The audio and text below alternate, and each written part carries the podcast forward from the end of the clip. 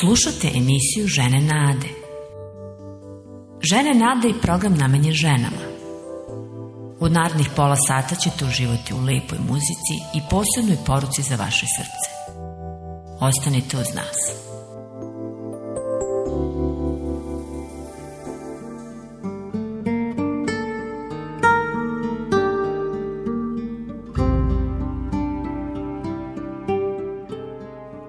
Je bio baš nervozan dok mu je lekar nameštao aparat za merenje pritiska.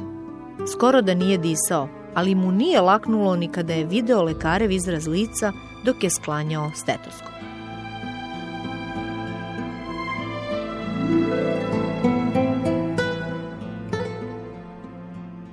Pozdrav svima! Ponovo smo zajedno na talasima programa Žene Nade. Ja sam Bilja i odmah da vas pitam – Kada ste posljednji put proveravale krvni pritisak? Pozdravi od mene. Ja sam Tanja. Danas slušamo Milonovu priču o njegovom visokom krvnom pritisku. Dobro, i šta mu je lekar na to rekao? Pa, objasnio mu je neke osnovne stvari. Svaki put kada srce kucne, pokreće se krv po čitavom telu. Protok krvi u tom trenutku znači da krvni zidovi trpe određeni pritisak. Kada naduva jako onaj jastučić na ruci, pritisak je najviši. Kada ga otpusti, pritisak je najniži.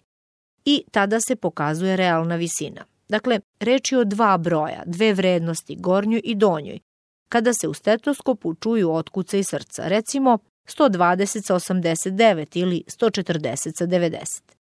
Milan je na to pitao, aha, tako znači, a koliki je moj pritisak? Lekar mu reče pa 145 sa 92. Previsok za nekoga poput vas. Visoki krvni pritisak je opasan i morali bismo da uradimo nešto. Opasan? Uh, koliko opasan? Lekar mu je pokazao sliku krvnih sudova na zidu, prikaz krvnog sistema u raznim bojama. Zamislite, Milane, da su sve ovo gumena creva ili cevi. Srce je moćna pumpa, koja gura krv kroz sve njih ali ako je pritisak prevelik, dolazi do prenaprezanja cevi, do curenja, pucanja, što oštećuje tkivo. Mali izliv krvi u mozak zovemo šlog. Veliki često odmah ubija. Takođe, visok krvni pritisak oštećuje i samo srce, bubrege i oči. Zato je važno da redovno kontrolišemo krvni pritisak. Svakako.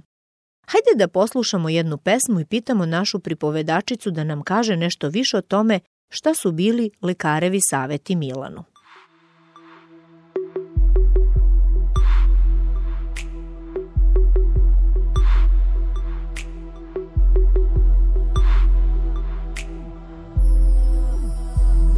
Dopusti mi da ti objavim od kuca je srca svog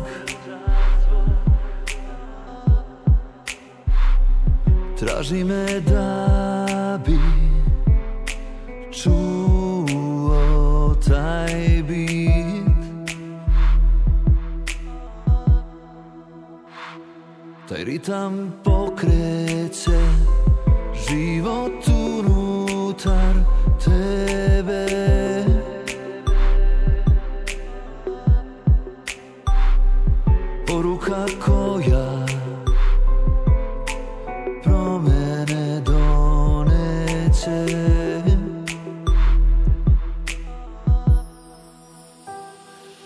plačeš ti čuješ. Dok vapiš primaš odgovor.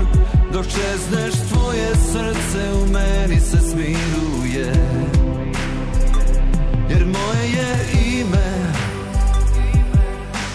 Isus Hrist Gospod celog univerzuma. Ja sam Početak i kraj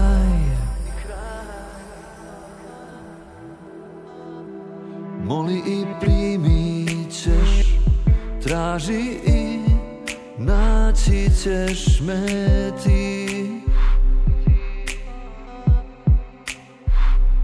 Molitvom kucaj na vrata neba I ja ću ti otvoriti.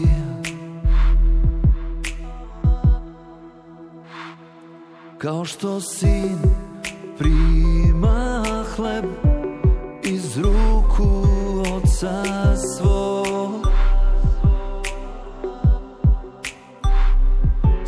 Siguran budi da ti neću dati kamen umesto tog.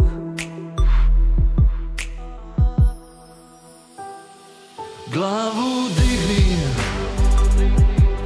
i hrabro hodaj Osmeh neka tvoje lice krasi.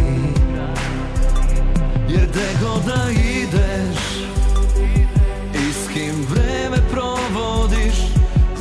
Da vidim te, za tebe brinem se. Glavu digni i hrabro hodaj Osmeh neka tvoje lice krasi. Jer gde god da ideš I s kim vreme provodiš Znaj da vidim te jer ja sam gospod tvoj Putokaz ka nebu Ali doktore, zašto mi je pritisak visok? Da li sam nekako doprineo tome? Moguće je. To najčešće zavisi od porodičnog faktora i od vašeg ličnog sklopa. Da li su vam roditelji imali povišen pritisak? Jeste, tata je imao. Dobro, a tu je i stres. On je drugi glavni uzrok. Ljutimo se, svađamo, radimo previše, žurimo, a to sve prenapreže srce i krv kola jače. Opet, to je deo normalne svakodnevice ukoliko nismo stalno pod tim ritmom. Ali ako smo stalno ljuti, ako nas strepnja ne napušta, ako smo pod životnim pritiscima uvek, to ni malo nije dobro. Nekada imamo velike porodične probleme, gubimo posao, ostajemo bez primanja ili je reč o preteranim odgovornostima u poslu. Zbog toga slabo spavamo, razdražljivi smo, boli nas glava. E, tu bi već mogao da bude uzrok. Ne u porodici ili s novcem, već na poslu.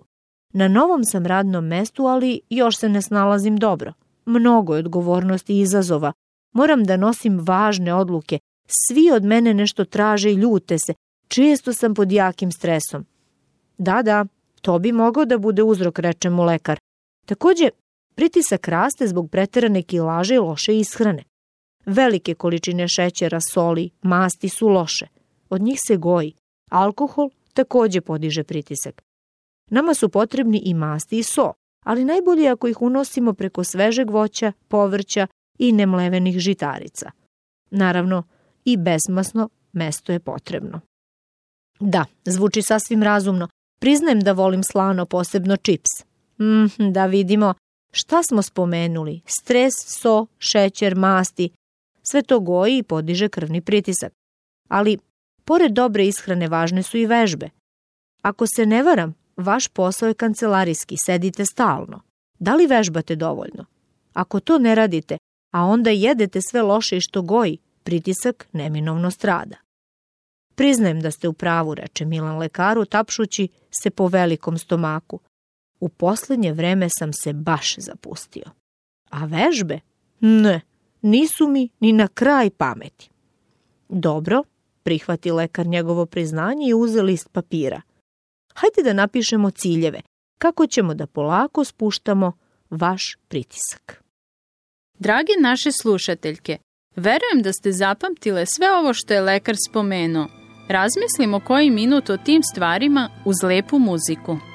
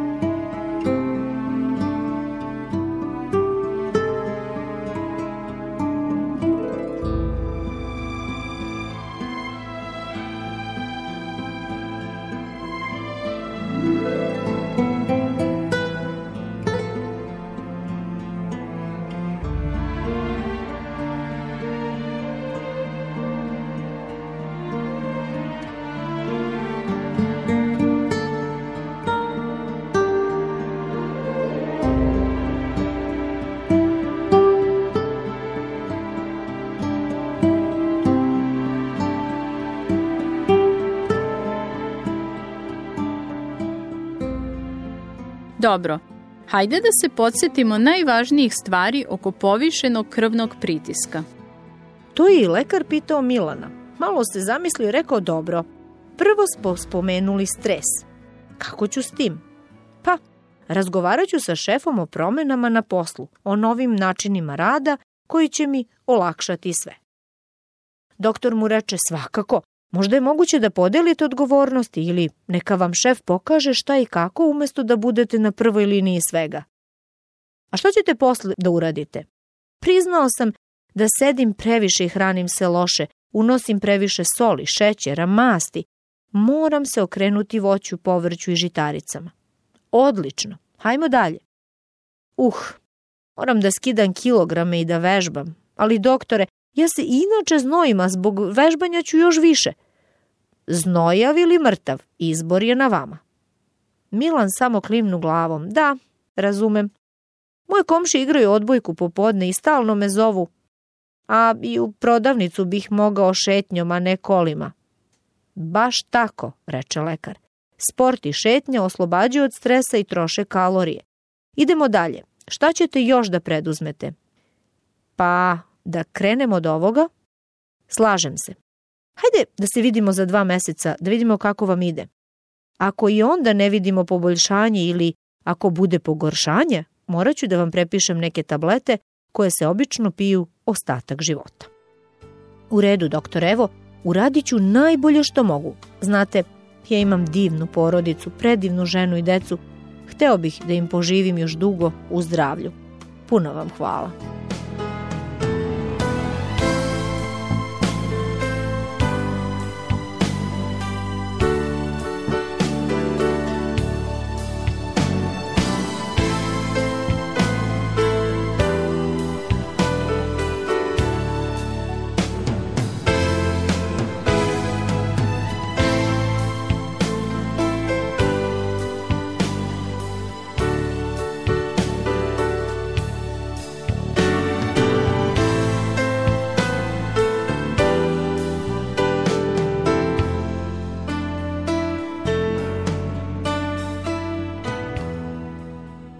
I tako, dva meseca kasnije, eto Milana kod lekara na kontrolu. Ponosno mu je saopštio kako je skinuo 7 kilograma. Redovno idem s decom u park i igramo se loptom. To je odlična vežba, reče mu lekar, trčanje za loptom.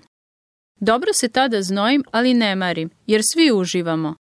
Vidim da je i deci drago što smo zajedno a žena mi je s uživanjem izbacila so i šećer iz ishrane. Takođe, pričao sam sa šefom i stvarno mi je pokazao mnogo toga što mi sada olakšava posao. Odgovornosti sam podelio s nekim kolegama i sada radimo kao tim. Sada mi je uživanje da odem na posao. E, to volim da čujem, reče mu zadovoljno lekar. Ali hajde sada da vidimo šta kaže aparat za pritisak. Na već prepoznatljiv način sve je bilo gotovo za koji minut. Ali ovog puta se lekar osmehivao. Pa Milane, lepu stvar ste uradili. 120 sa 75. Ali nema opuštanja. Neka vam ovaj novi pristup i nove navike postanu rutina. Zašto biste se vraćali na stare opasne staze? Živite ovako i u buduće. Milan se nasmeo. Da, znate da hoću. Ko još ne voli da su mu i žena i deca nasmejani i da je sa njima? Žena me hvali zbog skinutih kilograma, a šef je zadovoljan kako radim, kako smo načinili poslovni tim. Ma osjećam se i jače i zdravije. Hvala vam, doktore. Milan je stvarno dao sve od sebe da uradi pravu stvar, zar ne? Na posledku ponovimo još jednom ono najvažnije. Izbacimo unošenje velikih količina masti, šećera i soli, Vežbajmo i skinimo viša kilograma. Kada se hranimo umereno i zdravo, onda i vežbanje ima svoje mesto. Recimo, pola sata brze šetnje svaki dan ili barem svaki drugi odlično je za početak. To nas rešava stresa. Znaš, ja se služim još nekim jako prijatnim načinima umanjivanja stresa. Slušam muziku koja odmara, pevam i molim se. Zato Hajde da pustimo baš sada neke prijatne note.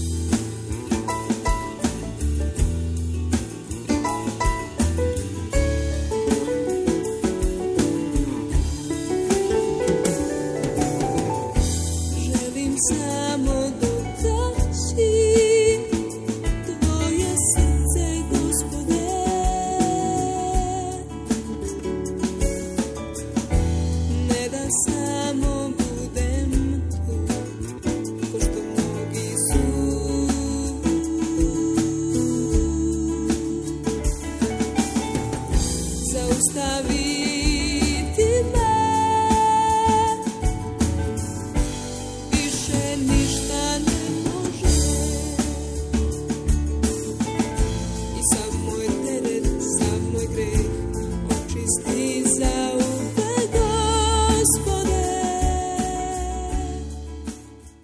Ponovo smo u programu Žene nade. Prelepa pesma. Baš uživam da slušam muziku. Za mene su muzika i pesma oduvek bili najbolji način da se opustim i rešim stresa.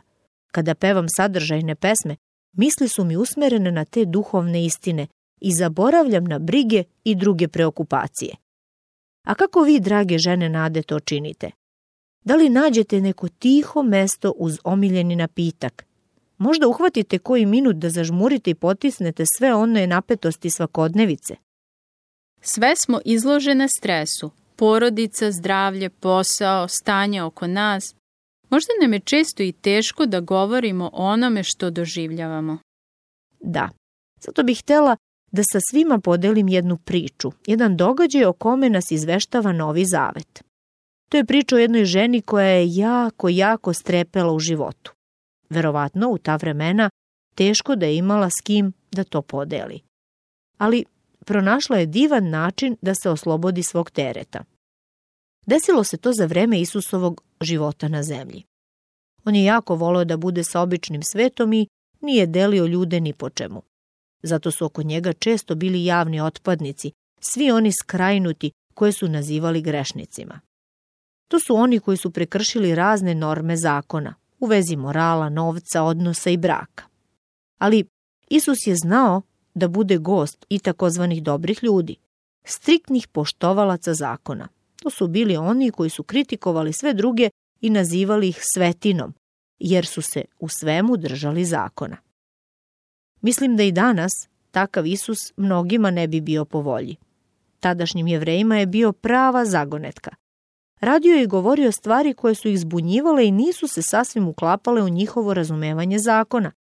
Ipak, mnogi su sledili Isusa. Videli su njegova čudesa i znake. Videli su kako leči, čak i iz mrtvih podiže. Znali su da je to delo Božije sile. E, ova naša priča je zabeležena u Evanđelju po Luki 7 od 36 do 50. Jednom prilikom neki farisi zamoli Isusa da obeduje sa njim. Isus je došao u kuću i zauzeo mesto za stolom.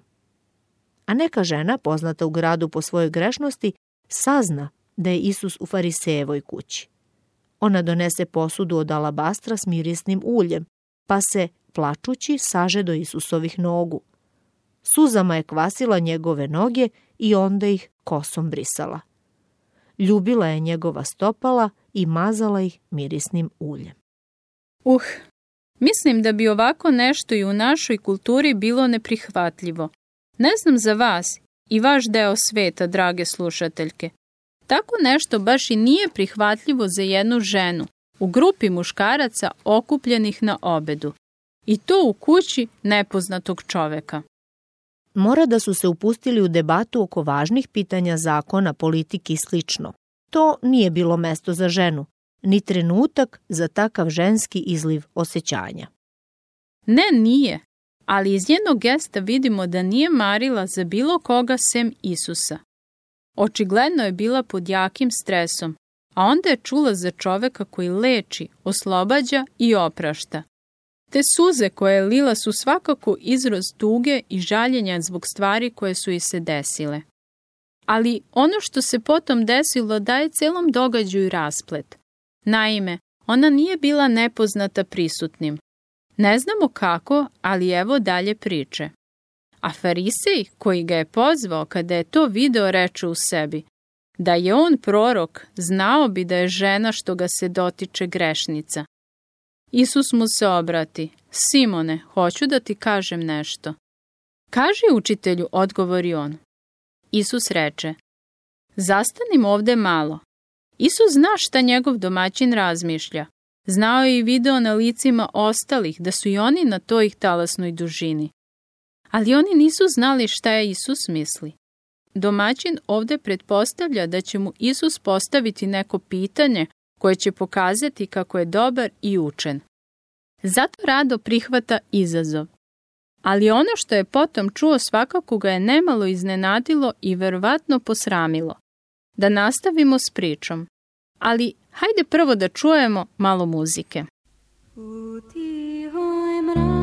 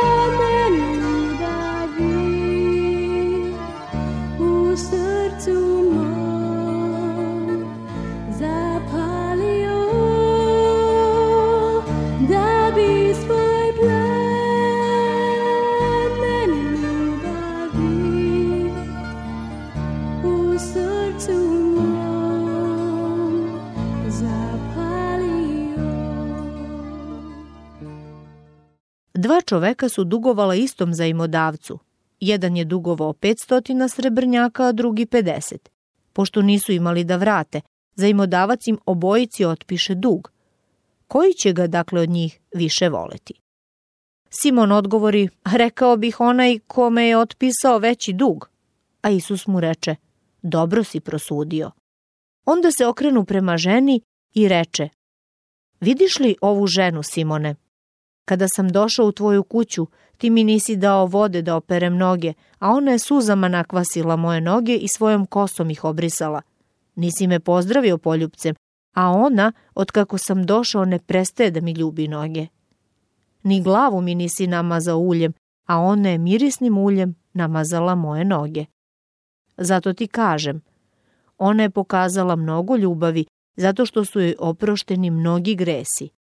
A kome je malo oprošteno, taj malo i voli. A ženi reče, opraštam ti grehe. Oni koji su bili okupljeni za stolom počeše da govore u sebi, ko je ovaj da oprašta grehe?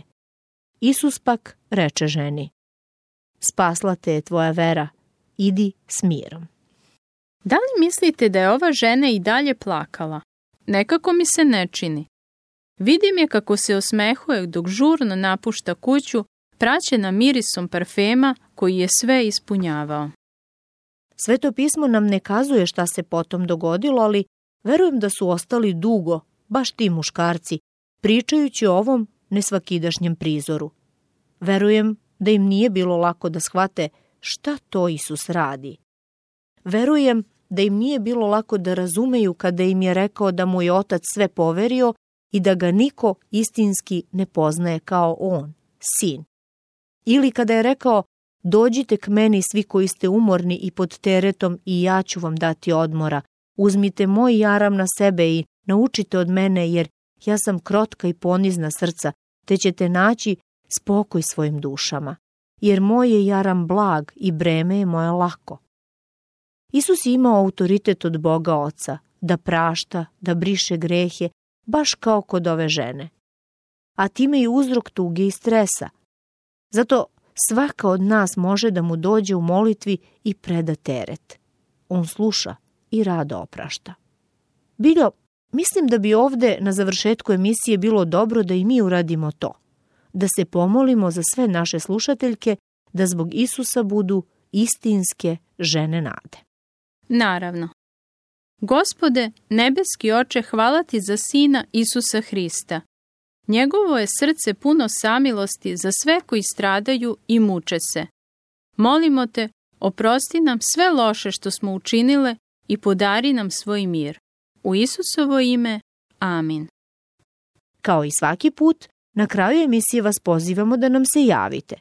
Pišite nam na Žene Nade, poštanski pregradak 37, 11060 Beograd ili nas pozovite na telefon 062 396 331.